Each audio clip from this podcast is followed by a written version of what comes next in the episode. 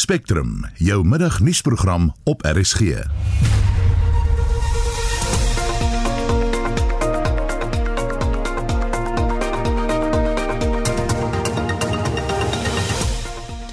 in die program die Gautengse Hooggeregshof beslis dat die nasionale aardtoewysigingswet ongrondwetlik en onwettig is.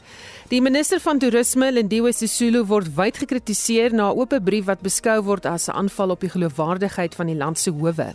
Iemand wat die gedagtes houdig wat sy geopenbaar het, hoort nie in die kabinet nie. She should resign her as a member of cabinet and then she would be free to speak as she does. Intussen sal die DA minister Sisulu by die etiekkomitee van die parlement verkla en daar sal sy moet verduidelik hoe sy haar aanval op die howe en die land se regsprekende gesag versoen met die parlementêre gedragskode En 'n toegewyde taak mag is deur die nasionale vervolgingsgesag op die been gebring om vermeende staatskapers strafregtelik te ondersoek en te vervolg. Die span in die ateljee se redakteur Marlenae Forsie, produksieregisseur Johan Pieterse en ek is Susan Paxton.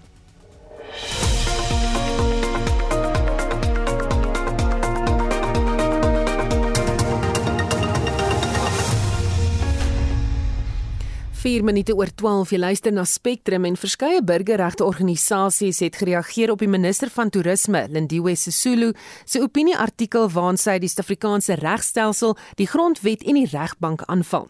Die organisasie sê Sisulu se aanval moet ten sterkste verwerp word. Es de Klerk het meer besonderhede.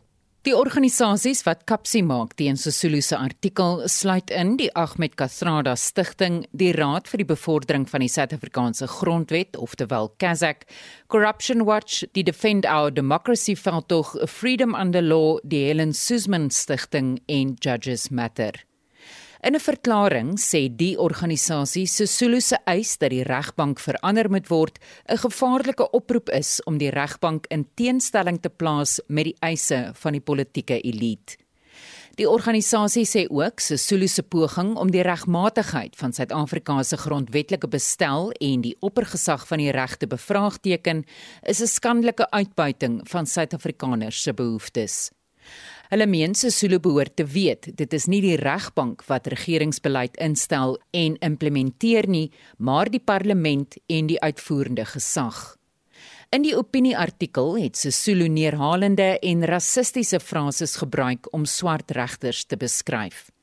Die afgetrede konstitusionele hofregter en direkteur van Freedom Under Law, regter Johan Kriegler, sê Sesulu se uitlatings is onaanvaarbaar. Nie alleen is dit 'n aanval op die integriteit van 'n naamlose groep regters, waarskynlik alle swart regters. Se integriteit en intelligensie en bekwaamheid, maar dit is ook 'n uh, ontkenning van die geregtigheid van die erkenning wat ons almal gee aan ons grondwet. Die grondwet se legitimiteit word deur hierdie onbesonde optrede van die minister ondergrawe ons beskou dit is onvanpaspere minister.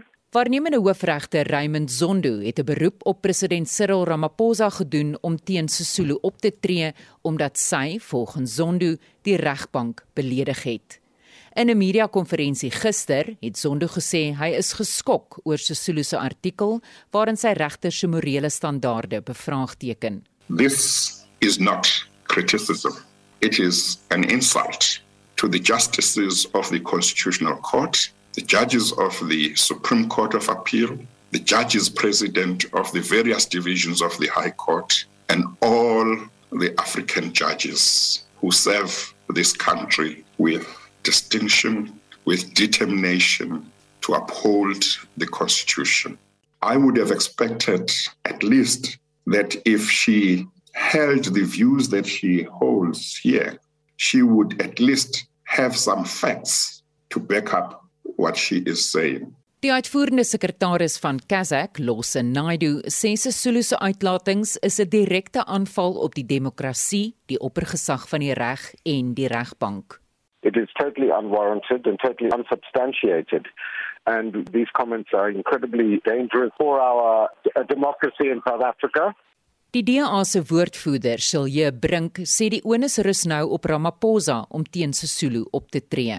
Die minste wat hy kan doen in die DA se mening is om 'n opdrag te gee vir minister Lindiwe Sisulu om haar opmerkings terug te trek en die publiek om verskoning te vra. Intussen sal die DA minister Sisulu by die etiekkomitee van die parlement verkla en daar sal sy moet verduidelik hoe sy haar aanval op die howe en die land se regsprekende gesag versoen met die parlementêre gedragskode wat ook op haar gedrag van toepassing is. Hierdie gedragskode bepaal onder andere dat LPs ten alle tye moet optree in so 'n manier dat hulle die publieke vertroue handhaaf.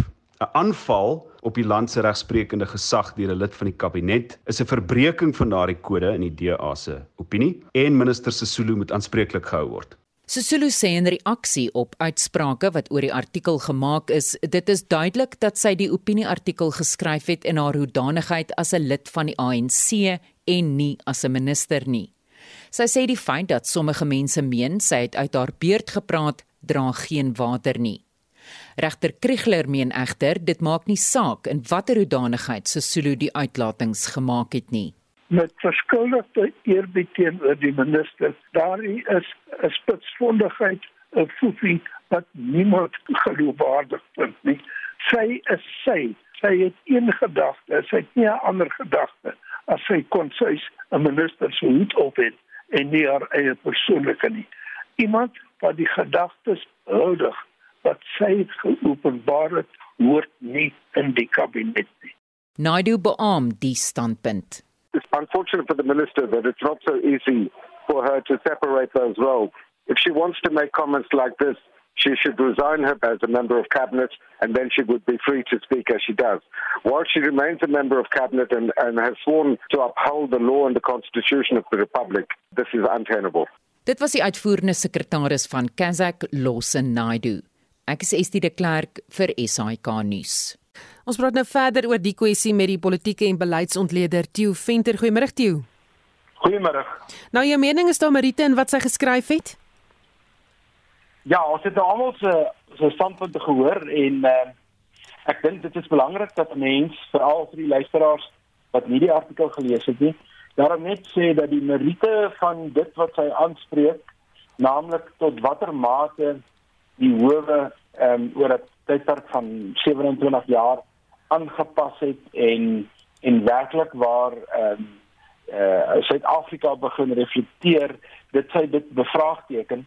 Ehm um, ek dink ja, daar is elemente ehm um, van van ehm um, korreksie in wat sy sê. Daar is daar is beter ehm um, maniere om om dinge te doen. Ehm um, uh, ons het al 'n paar swak beslissings gehad en al daai soort van goed, maar die eintlike punt waarop sy neerkom en die eintlike um, argument wat sy voer is dat die regstelsel het ook soort van 'n slagoffer geword van 'n groter mag wat Suid-Afrika eintlik beheers en dit is 'n 'n denkstroom wat reg deur die die RET groep, die sogenaamde Radical Economic Transformation groep loop Ehm um, en dit is duidelik wat sy hier weer speel.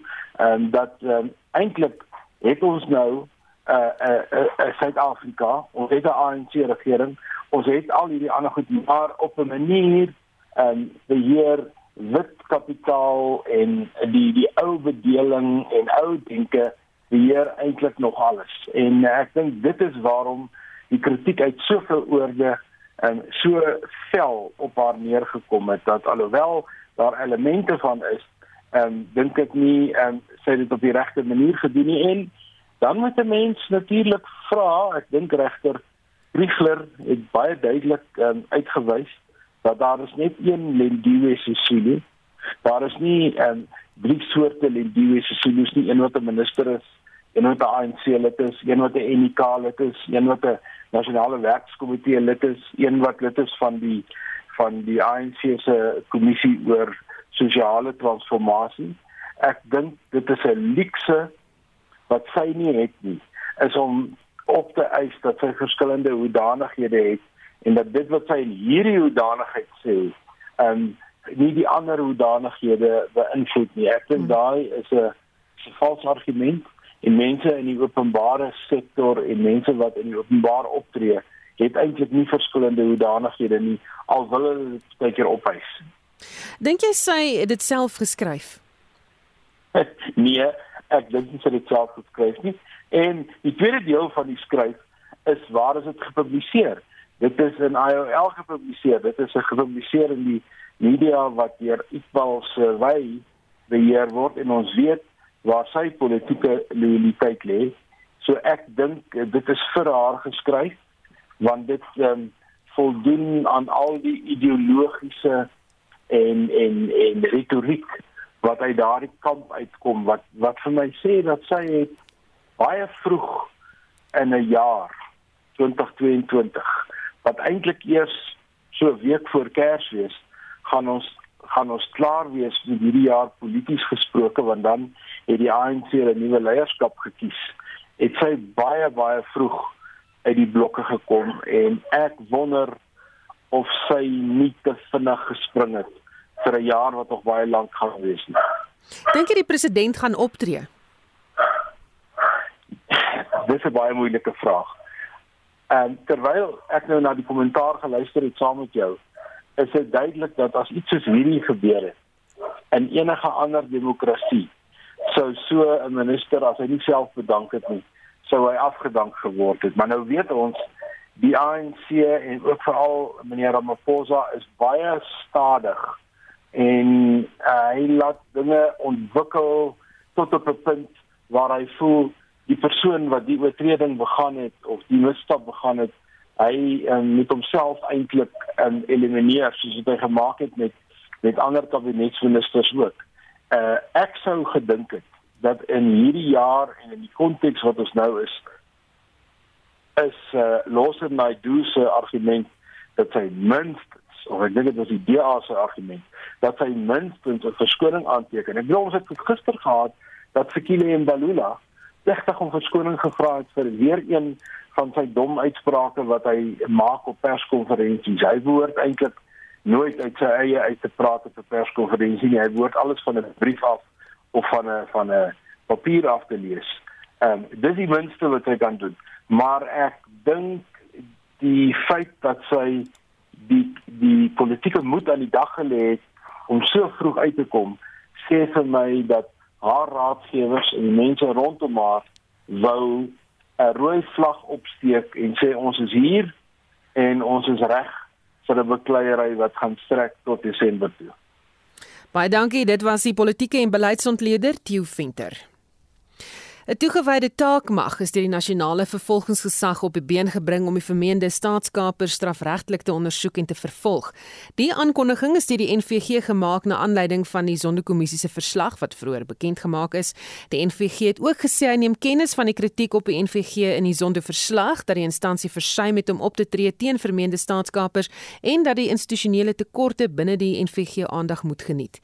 Die organisasie Right to Know se stigter en politieke ontleder Dr. Dale McKinley het aan SAK nuus gesê dit is 'n goeie stap om mense gerus te stel dat hulle wel sal optree teen die skuldiges wat uitgewys is in die Zondo-verslag.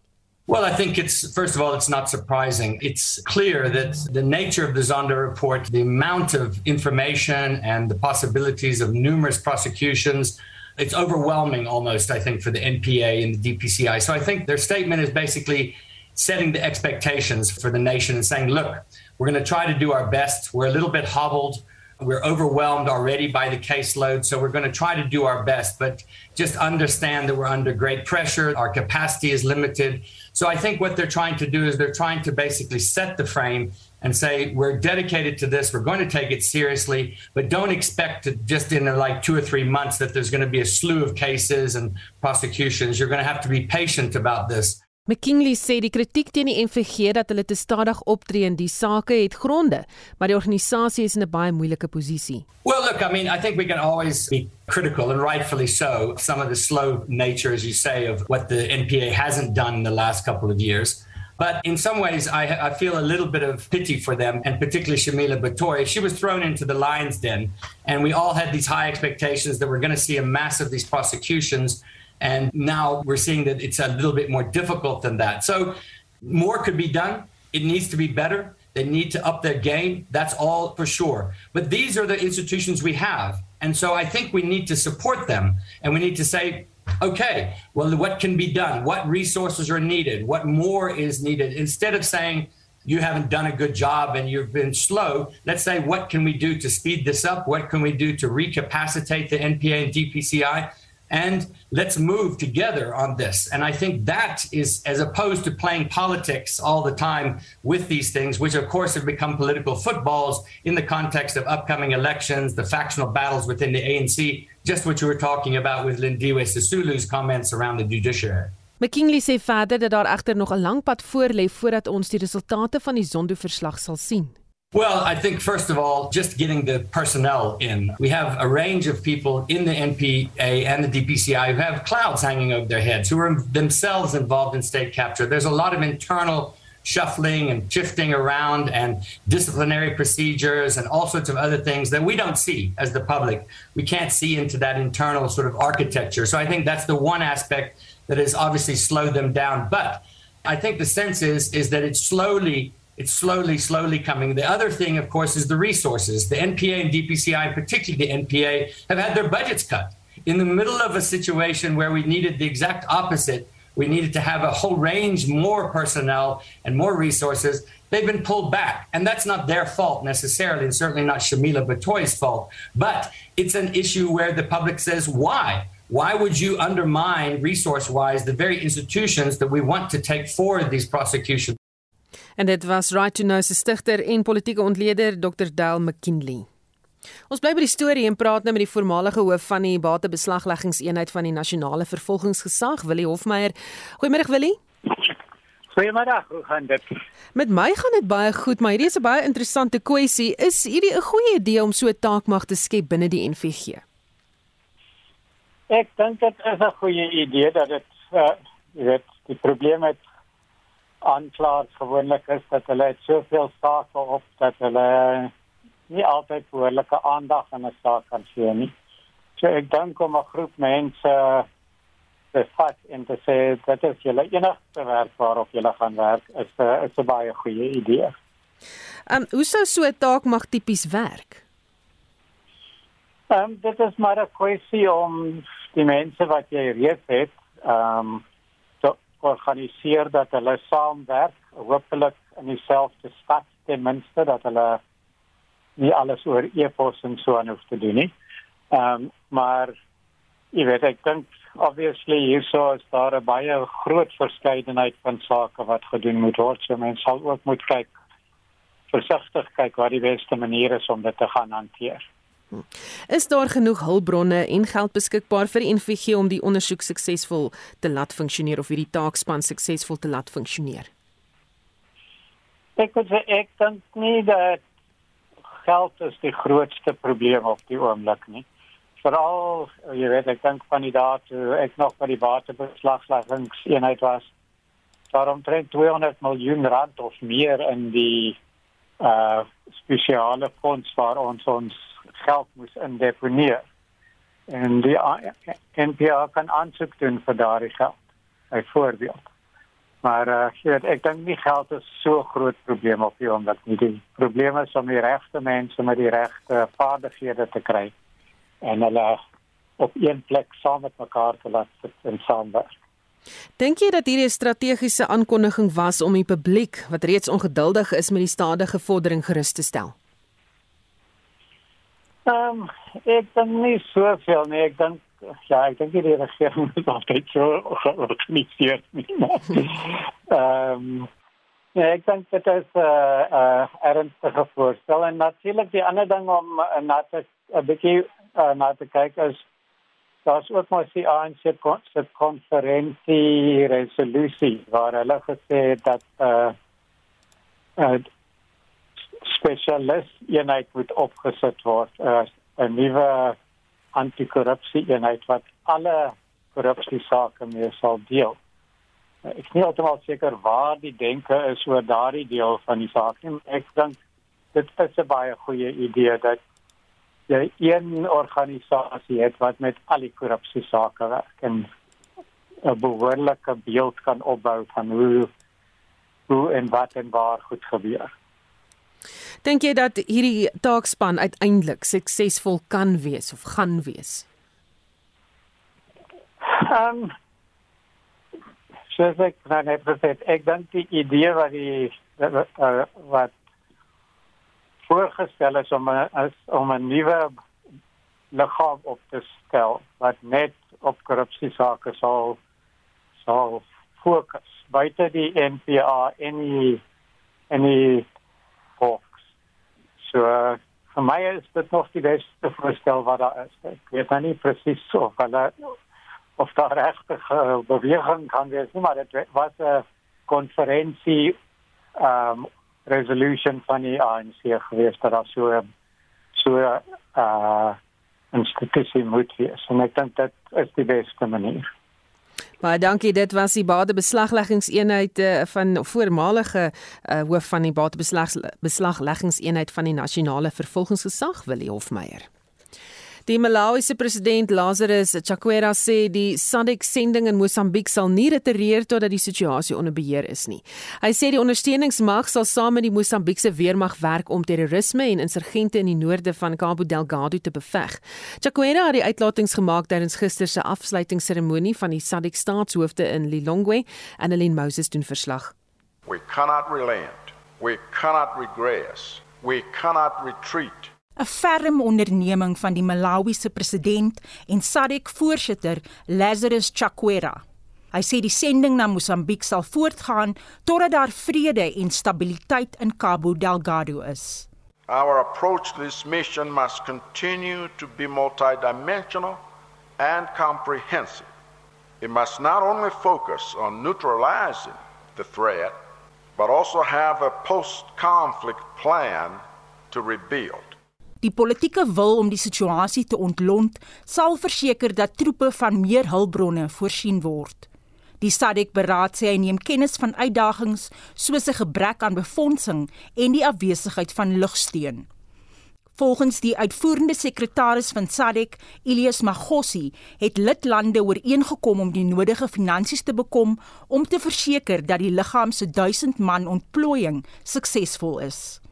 In dealing with the issues regarding the mission in Mozambique, we fully understand that we are in an emergency and that we need to move with speed to implement the decisions taken by our heads of state and government. On this matter, we will continue to be guided by the decisions of the Ministerial Committee of the organ, the organ troika itself, and the summit to ensure that peace and security prevails in the affected parts. 'n Teerpunt vir die SADC magte is dat die Rwandese weermag beter vaar in Cabo Delgado en 'n sterker band met Maputo het. Die Rwandese en Mosambiekse weermag het die naweek vergader om die pad vorentoe te bespreek. Die SADC-sending was egter nie teenwoordig nie, iets wat kenners soos PS Begu van Crisis International as 'n flater en 'n diplomatieke misstap beskryf. But we're seeing the constraints of a multilateral system that can be held hostage by the interests of one member state. So if that member state doesn't come to the party and doesn't actively encourage and engage, and there may well be good reasons for having a concern about a multilateral deployment in Cabo Delgado. I mean, they always preferred an option which is about bilateral, trying to develop a bespoke bilateral response either through their own deployments and building up their own capacity within the Mozambican armed forces, the use of private military companies, and now most recently with Rwanda. Intussen het die SADC-magte twee groot operasies van Oktober verlede jaar in die Makomia distrik uitgevoer. 31 beweerde terroriste is dood en verskeie basisse van Al-Sunna wa-Jamaa is vernietig. Die sending sê hy werk saam met die Mosambiekse magte om dorpe weer terug te besorg aan burgers. Die verslag deur Noma Bolani en ek is Annelien Moses vir SAK nuus. Nog hoofnuus vandag, die Gautengse Hooggeregshof het beslis dat die nasionale aardtoewysigingswet ongrondwettig en onwettig is. Die organisasie teen belastingmisbruik Alta het die hof genader oor die kwessie. Een van die belangrikste kenmerke van die wetsontwerp is die punteverminderingsstelsel wat na verwagting op 1 Julie vanjaar in werking sou tree. Daarvolgens verloor 'n bestuurder punte met elke oortreding. Ons praat nou hieroor met advokaat eh, Stefanie Fik, die hoof van regsaake by Alta. Goeiemôre Stefanie. Goeiemiddag. So wat het die hof toe bevind? Die hof het bevind, die hof het ehm um, het, het saam met ons argumente ge, um, gestem dat ehm um, hierdie twee wetgewings, met ander woorde die die oorspronklike wet en dan nou die wysigingswet is ongrondwetlik en ongeldig. Ehm um, dat dit die die manier waarop die nasionale regering probeer dit om vir die uh, provinsie en vir ons plaaslike regerings te sê hoe om sekere goederes te doen en goederes wat in terme van ons grondwet binne hulle magte geval het het gesê sy stem saam. Ehm um, die die hele wetgewing is is ongrondwetlik ehm um, verklaar so daar's nie net stukke nie want ehm um, van die argument was uh, uh, uh, ons argument was jy kan nie ehm um, die, die sê artikel 1 4 en 5 is ongrondwetlik nie. Dit praat so saam en praat so met mekaar dat jy die dat die, die, die hele wetgewing ehm um, onkonstitusioneel verklaar moet word. Uh, so ons is regtig ons is, ons is bly want dit beteken nou dat dat die regering moet terugkom na die na die tafel toe en na ehm um, of na beter ehm um, wetgewing kyk of na ander opsies. Ja. Wat is die implikasies hiervan vir die inwerkingstelling van die wet? Ehm um, dit gaan nou die, die definitief die die die wetgewing ehm um, stop. Ehm um, ons moet nou binne 15 hof daar moet ons ehm, 'n um, aansoek indien by die um, konstitusionele hof vir bevestiging van die verklaring van die van die ongrondwetlikheid. So daar is nog 'n proses waardeur ons moet gaan. Maar um, in net net in opsommender wys die mense moet nie dink dat dit nou beteken dat ehm um, motoriste kan nou ry soos wat hulle wil nie. Aartie was behalwe dat Aartie regtig net op hierdie stadium van toepassing was in in in in Swanie en Johannesburg en die res van die land ehm um, dit nog nie uitgerol is nie en die res van die land dit nog nie gebruik is nie. Misdrywe bestaan nog steeds. Jy mag nog steeds nie te vinnig ry nie. Jy kan nog steeds 'n boete kry by 'n ehm 'n verkeersbeampte. Ehm um, dit beteken nou maar net dat daai administratiewe proses wat die departement gedink het beter is, um, is nou van die tafel af. Uh, dit was 'n baie omslagtige administratiewe proses. Ons is nie noodwendig gekant teen 'n administratiewe proses nie, maar ek dink ehm um, ehm um, as mens nou gaan kyk na die praktiese ehm um, van van die wetgewing Ja, as ek net dink aan hoeveel mense nie hulle bestuurslisensies kan hernie nie as gevolg van die feit dat dat die regering nie hulle eie administrasie kan administreer nie. Um, is dit regtig goeie nuus. Baie dankie. Dit was advokaat Stefanie Fik, die hoof van regsaake by Alta.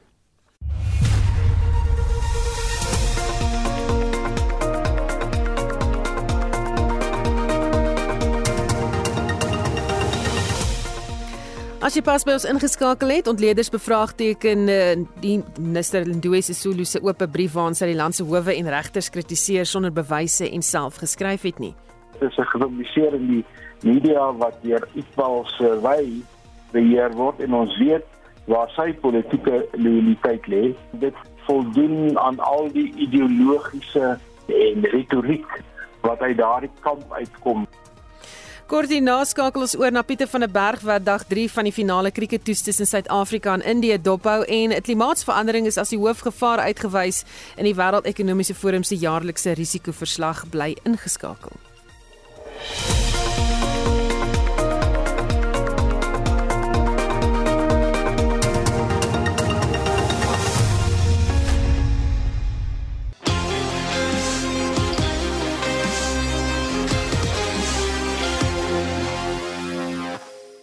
12:32 jy luister na Spectrum. Ons verskuif na die aandag na die sportveld. Dit is dag 3 van die derde en finale krieketoets tussen Suid-Afrika en Indië op Nieuweland in Kaapstad.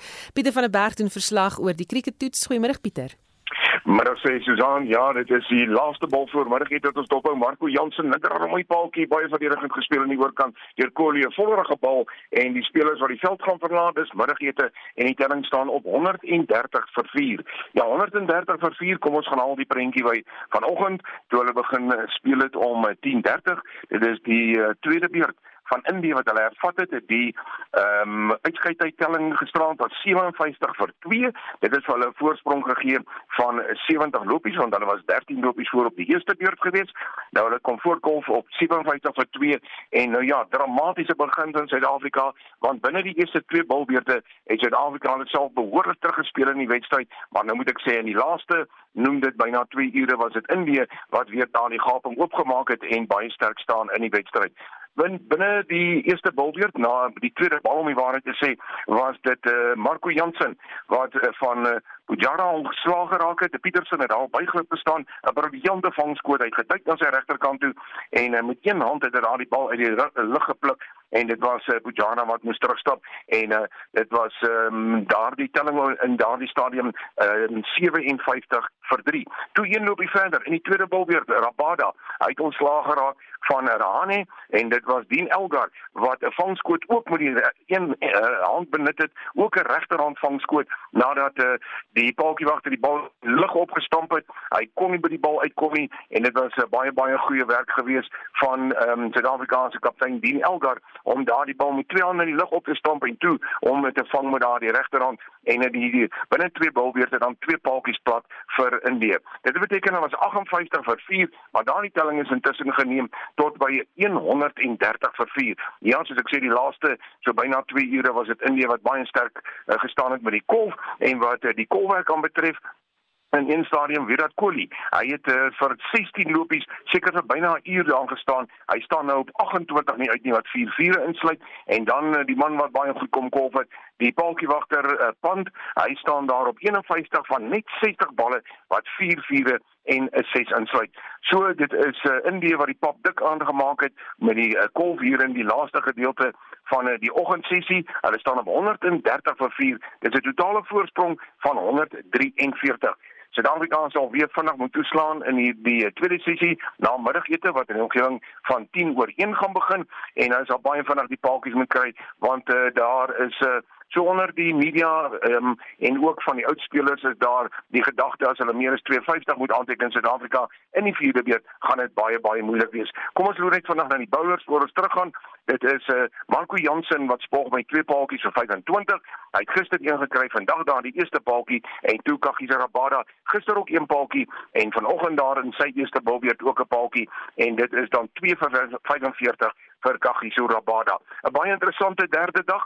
Ja, die derde en finale toets, die beslissende toets, dis een toets elk en die vraag is kan Suid-Afrika terugveg en kan hulle in die beperk ja daar die voorsprong nie meer as 250 wat klaar moeilik gaan wees om te kry wees nie. Dit is dan nie nie 130 vir 4 in hulle tweede beurt in die nadat hulle 'n 13 loopie voorsprong op die eerste beurt het, 'n totale voorsprong van 143 en uh, Susan, ons gesels weer later in 360 daarmee terug na die ateljee in Johannesburg. Baie dankie. Dit was Pieter van der Berg met die jongste nuus van die Protea se kragmeting teen Indië op Nieuweland in Kaapstad. Tyd vir ekonomiese nuus. Tesorie het veranderings aangekondig aan die Suid-Afrikaanse staatseffekte wat vanaf 1 Februarie in werking sal tree. Beleggers sal nou onder meer die opsie hê om enige bedrag bo die minimumbedrag van R1000 te belê. Die veranderings is gemaak in 'n poging om onmiddellike verligting te gee aan mense wat finansiëel in die knyp is weens die COVID-19 pandemie. Ons praat nou oor die en ander ekonomiese sake met Dr. Chris Harmse, hoof-ekonoom van CH Economics. Goeiemôre Chris. Môre Susan, môre luisteraars. Wat is hierdie veranderinge wat aangekondig is? Ag Susan, ek dink dit is maar nog steeds 'n tegniese verandering. Ehm um, ja, die wat jy nou weet uh, met 'n 1000 rand kan belê in hierdie ehm uh, sogenaamde staatseffekte. Uh op teenhandel. Vroeger jare, onthou vroeger jare as mense wil in staatseffekte belê het, was die minimumbedrag 'n miljoen rand. So dit was net so groot institusies waaraan belê het. So die gewone private publiek kon eintlik nie normaal wat daaraan belê nie behalwe deur hulle pensioenfondse. Nou kan die gewone man op straat daar belê, maar ek hoor wat daar nou gesê word om verligting te gee. Dit is my 'n bietjie moeilik om agter die kap van die bou te kom omdat daardie nommer 1 ons weet nie dit is definitief nie 'n belastingvrye opbrengste wat jy kry nie. Uh want jy kry belastingvrye uh obligasies op effekte wat jy kan belê. So en die opbrengskoerse daarvan is nou nie dat dit nou die ligte uitskiet nie. Uh hierdie goed verdien hierso so van 8 na 10%. Uh, wat nie 'n slegte koers is nie, dit is nie geldmark kan kry of wat jy kan kry natuurlik op op ander beleggings. Maar mens sê nou asem, mense wat verlede jaar in aandele gebeleë het, het in 24% gedoen. Ons wat net in konservatiewe ander multibestuurde fondse belê het, het 15 16 15 16% gekry. So dit is bietjie vir my moeilik om te sê uh in terme van daarvan nou te evalueer dat dit verligting van gee in COVID uh want uh, daar is baie ander uh um uh produkte waarin mense ook kan belê. So wat ek wel kan sê is dat uh dis altyd goed om te belê. Dis die ding. Met ander woorde as mense net kan begin bespaar elke maand, maak nie saak waar nie. Dan is dit 'n goeie ding want dit is veral vir jou ou dag, jy kan jou rente trek. Daar sekerre voorwaardes dan jy die rente kan trek maandeliks of jaarliks ensovoorts. Ek wil net vir die publiek sê dis maar net nog 'n beleggingsproduk. Gesels net met jou finansiële adviseur. Waar pas hy in jou portefeulje in? Is daar plek vir hom uh, wat jy voordeel wat hy kan doen? Maar wat wel uh, belangrik is van hierdie aankondiging. Hulle wil hê dat die mense moet spaar. En ek dink dis die belangrikste. Uh, dat mense meer moet meer begin te spaar veral vir hulle ou dag omdat dit al hoe moeiliker vir die staat word natuurlik om uh, om ouderdomspensioen te betaal. Hmm. Dan op 'n ander noot, die rand het versterk. Wat het gebeur en waar trek hy nou? Susan, as ek kom nou so kyk hier op die skerm is dit so 15.29. Wow, baie sterk, né? Vir al die laaste 3-4 dae. Uh hier van maandag af. Hier by maandag het ek beplink gery tussen R15 uh 58 en R15.72. Dit was eendag op, die ander dag af. Ons luisteraars moet onthou ons het die jaar begin op R15.95. Met ander woorde hierdie is nou amper 'n 70 sent verbetering uh wat plaasgevind het. En daar is basies net drie redes. Die eerste rede is kommoditeitspryse besig om te styg. Ou goud het in die laaste laaste 5 6 verhandelings daar gestyg van 1790 na van dags ongeveer 1830 dollar. Platinum het net so sterk gestyg en ander kommoditeitspryse ook. Dan natuurlik het die FSA met twee belangrike aankondigings gekom. Verlede week het gesê hulle ekonomie is eintlik oorvat. Hulle mense, hulle kan nie eintlik meer mense in diens neem. Hulle werkloosheidskoers is die laagste in jare. Uh en uh die ekonomie het nie meer die vermoë om te kom in in, in diens te neem nie. En met ander woorde die Amerikaanse ekonomie is oorverhit want toe gister toe kom hulle inflasie syfer uit. Dis die laagste in die laaste 25 jaar op 7%. Ekskuus, die hoogste. Op 7%. Dit daar is skrif onmiddellik aan die muur. Die kans is nou uitstekend dat Amerika gaan hulle rentekoerse verhoog in die volgende maand of 2. En dit natuurlik is altyd ehm uh, goed vir opkomende lande se se geldeenhede omdat uh, beleggers begin nou kyk na ander beleggingsopsies en uh, die rand is 'n die rand is 'n gesogte ene. Uh so ek dink die kombinasie van al hierdie faktore uh het die rand nou laat begin verstewig. Uh ek wil ook net sê in 'n in 'n in 'n opname van van van Reuters op onder analiste reg oor die wêreld het hulle gesê dat daar's net drie geldeenhede hierdie jaar van opkomende lande wat gaan sterk is, is die roebel, die Koreaanse won en die Suid-Afrikaanse rand. En hulle sien die rand eerder meer nader aan R15 uh gemiddeld vir jaar uh as wat dit R16 is. So met ander woorde, hy beweeg maar net in daai rigting. Baie dankie, dit was die hoofekonoom van CH Economics, Dr. Chris Harmse. Klimaatsverandering is as die hoofgevaar uitgewys in die Wêreldekonomiese Forum se jaarlikse risikoverslag. Die WEF WEF sê wêreldleiers moet saam staan om 'n gesamentlike benadering te formuleer om klimaatsverandering te beveg. Die verslag dui aan dat uiterste weeromstandighede die wêreld se grootste risiko vir die korttermyn inhou, terwyl die gebrek aan pogings om klimaatsverandering te beveg as die grootste medium- en langtermyngevare oor die volgende 2 tot 10 jaar uitge of uitgewys is. Ons praat nou hieroor met die visierektor vir navorsing innovasie en nagraadse studies aan die Universiteit Stellenbosch, professor Eugene Kloete. Goeiemôre Eugene. Goeiemiddag, uh, goeiemiddag ook aan die RSG luisteraars. Die verslag toon dat die gebrek aan pogings om klimaatsverandering te beveg die wêreldwye BBP met tot 1/6 sal laat krimp. Ja, nee, dit is korrek. Uh die net om die dit in perspektief te stel. Baie mense wonder natuurlik of klimaatsverandering wel plaasvind of nie en dit is 'n baie ingewikkelde vraag en is baie kompleks maar as mens moet kyk na wat die impak daarvan was uh en wat meetbaar is dan moet mens kyk na rande wat uh meer as 1 biljoen dollar uh tot gevolg gehad het. Nou net vinnig uh in die 80er jare was daar 29 sulke rampe. Uh 53 uh in die 90er jare dis amper dubbel dit. 63 in die 2000s en tussen 2010 en 2015 123 rampe uh van oor 1 biljoen dollar. En net in die laaste 5 jaar was daar al reeds 86 sulke katastrofiese rampe. So die impak hiervan natuurlik en dit is natuurlik veldbrande, hittegolwe, tornado's, buitengewone koue temperature, vloede, oorstromings ensovoorts. Uh die impak hiervan finansiëel is uh is eintlik ongelooflik. Hm. Wat se gevolge in gevalle soos die of wat hou dit in vir die Suid-Afrikaanse ekonomie? Wel, dit affekteer natuurlik uh, al die ekonomie reg oor die wêreld. As die wêreldekonomie krimp en die wêreldekonomie is besig om te krimp, nie net as gevolg van COVID nie, maar in die algemeen uh, word daar voorspel dat die wêreldekonomie gaan krimp met ongeveer 5,4% uh oor die volgende 5 6 jaar en daardie krimp dan natuurlik 'n direkte effek uh op uh, die ekonomie ook in Suid-Afrika wat reeds 'n sukkelende ekonomie is. Is daar 'n manier vir Suid-Afrika om die risiko's teen uh, hierdie te vermy? Wel, ek dink wat ons moet doen is om te bly fokus op uh, ekonomiese groei en van die groei geleenthede natuurlik lê in hernubare energie. Uh dit gaan oor wind, uh ook uh sonkrag en so aan. Uh daar is ook werkskepping natuurlik in hierdie verband. Uh ons sal baie fokus moet plaas op hernubare energie.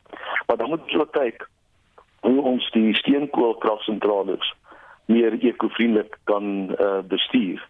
Hoe kan ons die koolstofgas vrygestel word deur steenkoolsentrale?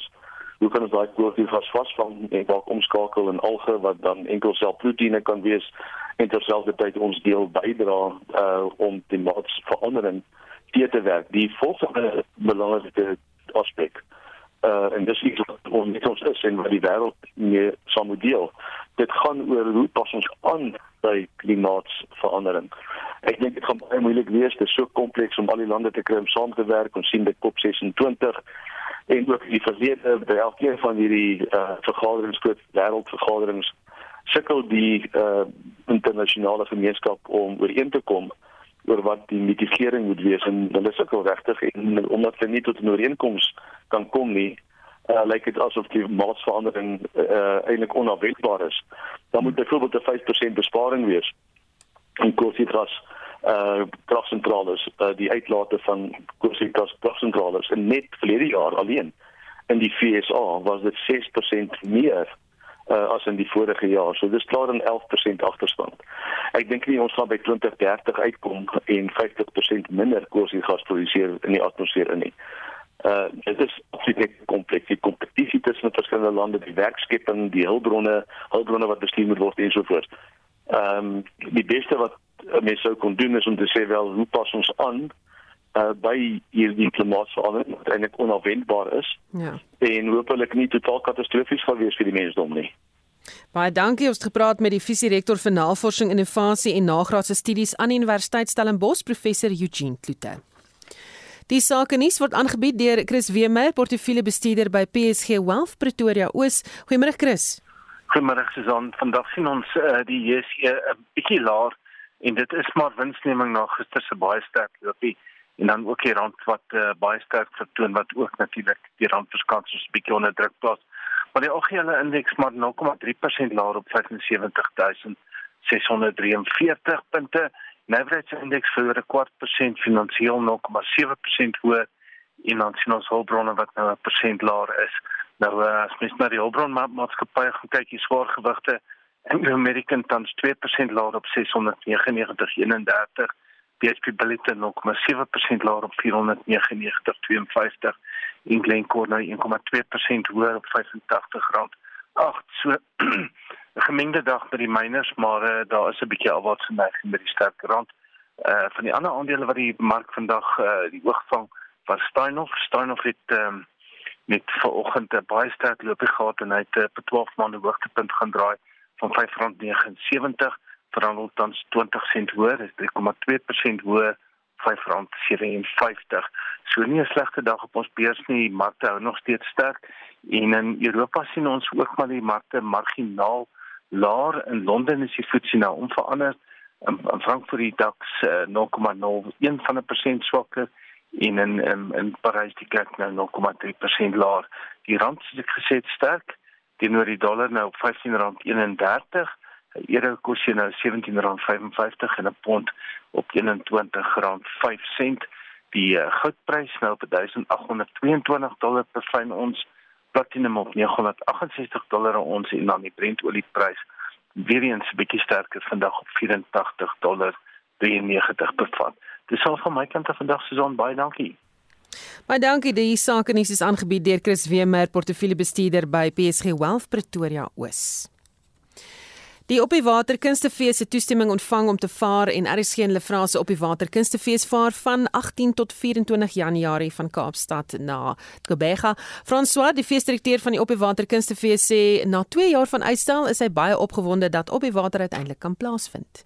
Ons het nooit gedink die op die water kunstefees gaan weer gebeur nie en hier is ons nou 18 tot 24 Januarie van Kaapstad na Port Elizabeth en terug na die mooi Kaapstad. Nou baie van ons mense het alreeds in 2019 bespreek vir die op die water kunstefees want hierdie kunstefees wat nou gebeur was veronderstel om in April 2020 te gebeur. So 2 en 'n half jaar later gaan nou ons definitief kunstefees en op hierdie stadium Touchwood lyk dit vir my gaan ons vaar volgende Dinsdag. Hy sê dat dit die grootste kunste aanbod is wat nog op die water aangebied is. Al die kunstenaars wat reeds uh, vanaf 2020 saam met ons was, is omtrent 99% is terug op die skippie. So, dit is vir ons baie lekker. Dit is die grootste kunste aanbod wat ons nog gelewer het. Daar is meer as 45 aanbiedinge in hierdie lekker 6 nagte 7 dae week kunsteweek van ons en dit wissel vanaf uh, drama, toneel, uh, komedie, sang, musiek en uh, daar is regtig ietsie vir almal. En uh, klomp lekker produksies, uh, daar het ook 'n hele klompie nuwe produksies bygekom. Daar is onder andere Kikkies, uh, Lukas se liedjies met Janie de Tooy en Tiaan Kotse, klipgebede met Elma Potgieter, kortbroek langkouse met Rocco de Villiers. Daar is 'n uh, viool uitvoering met uh, die violis Lisel Leroux en uh, sy noem dit Joy. Cohen Koos met Matthys Roots, dan uh, Brian Schimmel 'n nuwe uh, produksie More Than a Handful. Janie de Tooy het 'n nuwe produksie My Half Eeu met musiek. Die klug is daar, my oom se vrou se plekkie. Ons het 'n heerlike poesieprogram die luisterlikie Wyn deur van Lofer en Wyne en uh, dit word ingelei deur Jacques Celie natuurlik die wynmaker daar by van Lofer en uh, dan Pieter Smit bring vir ons die storie van Afrikaanse musiek deel 2 en uh, ons neem 'n radiodrama op en daar is nog vele meer dinge uh, wat mense kan na uitsien en jy kan uh, bloot net gaan lees by www.opiewater.co.za Hy sê verder dat die kunstefees altyd primêr gestaan het en die bestemming sekondêr. Ja, ek het nog altyd geglo dat uh, die kunstefees met die op die water kunstefees moet primêr staan. Die bestemming dalk 'n bietjie meer sekondêr. Ja, ons is almal teleurgestel dat ons nie kan Namibië toe gaan nie, maar uh, dit is buite ons beheer en buite ons hande. So dit help nie ons maak ons koppe moeg daarmee nie. Ons moet gaan kunstefees hou en eintlik wil ons net in die see wees en op hierdie mooi MSC Orchestra. Ons gebruik al die venues, die teater, pragtige teater, meer as 1000 1000 sitplekke en uh, al hierdie wonderlike Afrikaanse produksies word vir ons aangebied hier in die luukse van uh, die MSC Orchestra. Swart beklemtoon dat alle COVID-19 maatreëls gehandhaaf sal word. MSC Cruises is baie ernstig om die skip veilig van COVID-19 te hou. Hulle noem dit baie mooi om 'n veilige borrel te skep. Uh daarom moet almal ingeënt wees en almal moet 'n uh, PCR COVID toets ondergaan en dit moet natuurlik negatief wees. So in teorie wat MSC dan sê is dit is amper die veiligste plek om te wees op daardie skipie want al die mense wat dan nou op ons skipie gaan is in teorie dan COVID-19 negatief positief. Hy sê dat mense oor die algemeen verdraagsaam is wat die gereelde veranderinge betref te midde van die pandemie. Ek moet sê ek is baie verbaas oor uh, hoe mense verstaan en die lojaliteit en ondersteuning uh, wat ons gekry het. Ja, daar is natuurlik sê uh, 5% van mense wat ongelukkig is, maar dit gaan jy altyd kry, maar uh, die meerderheid van ons gaste sê man, ons verstaan, ons verstaan dat uh, dit nie in julle hande is nie en uh, ons is maar net te bly om na 2 jaar weer te vaar. Frans Swart, feesdirekteur van die Op die Water Kunstefees en as jy belangstel in hoe ons werk hier by Monitor Spectrum, Naweek Aktueel en Kommentaar, kan jy ook op die bootreis kom kennis maak met my. Ek vaar saam. En daar is ook 'n aanbieding in die program waar ek jou sal vertel hoe dit werk hier in die nuuskantoor en daagliks sal ons ook oorskakel in Spectrum van die boot af, so moenie dit misloop nie.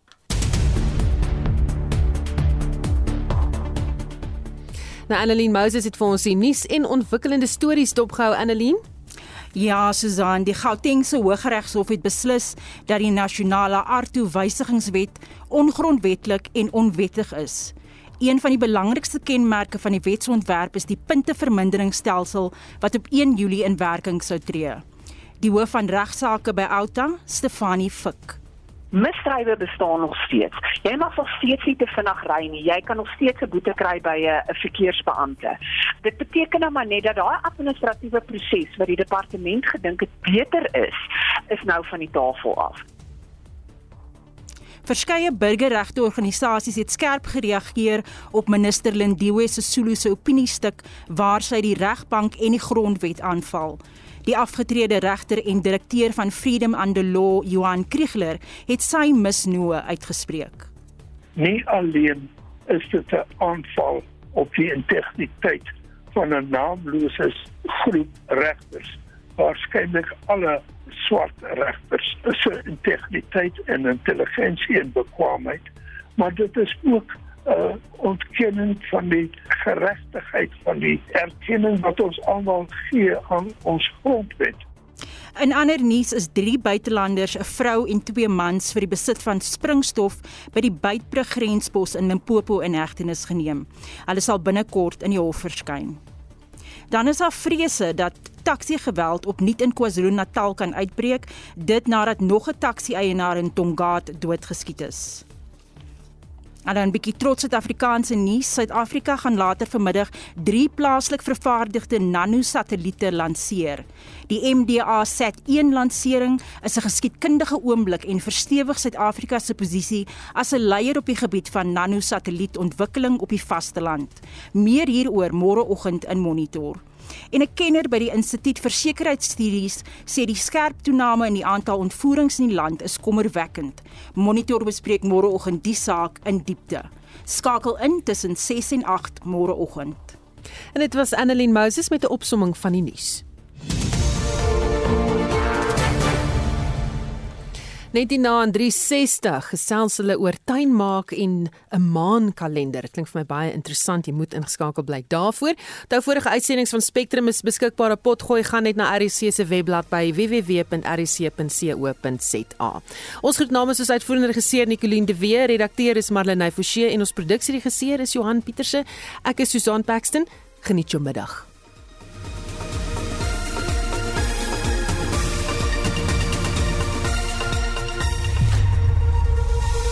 SAK nuus.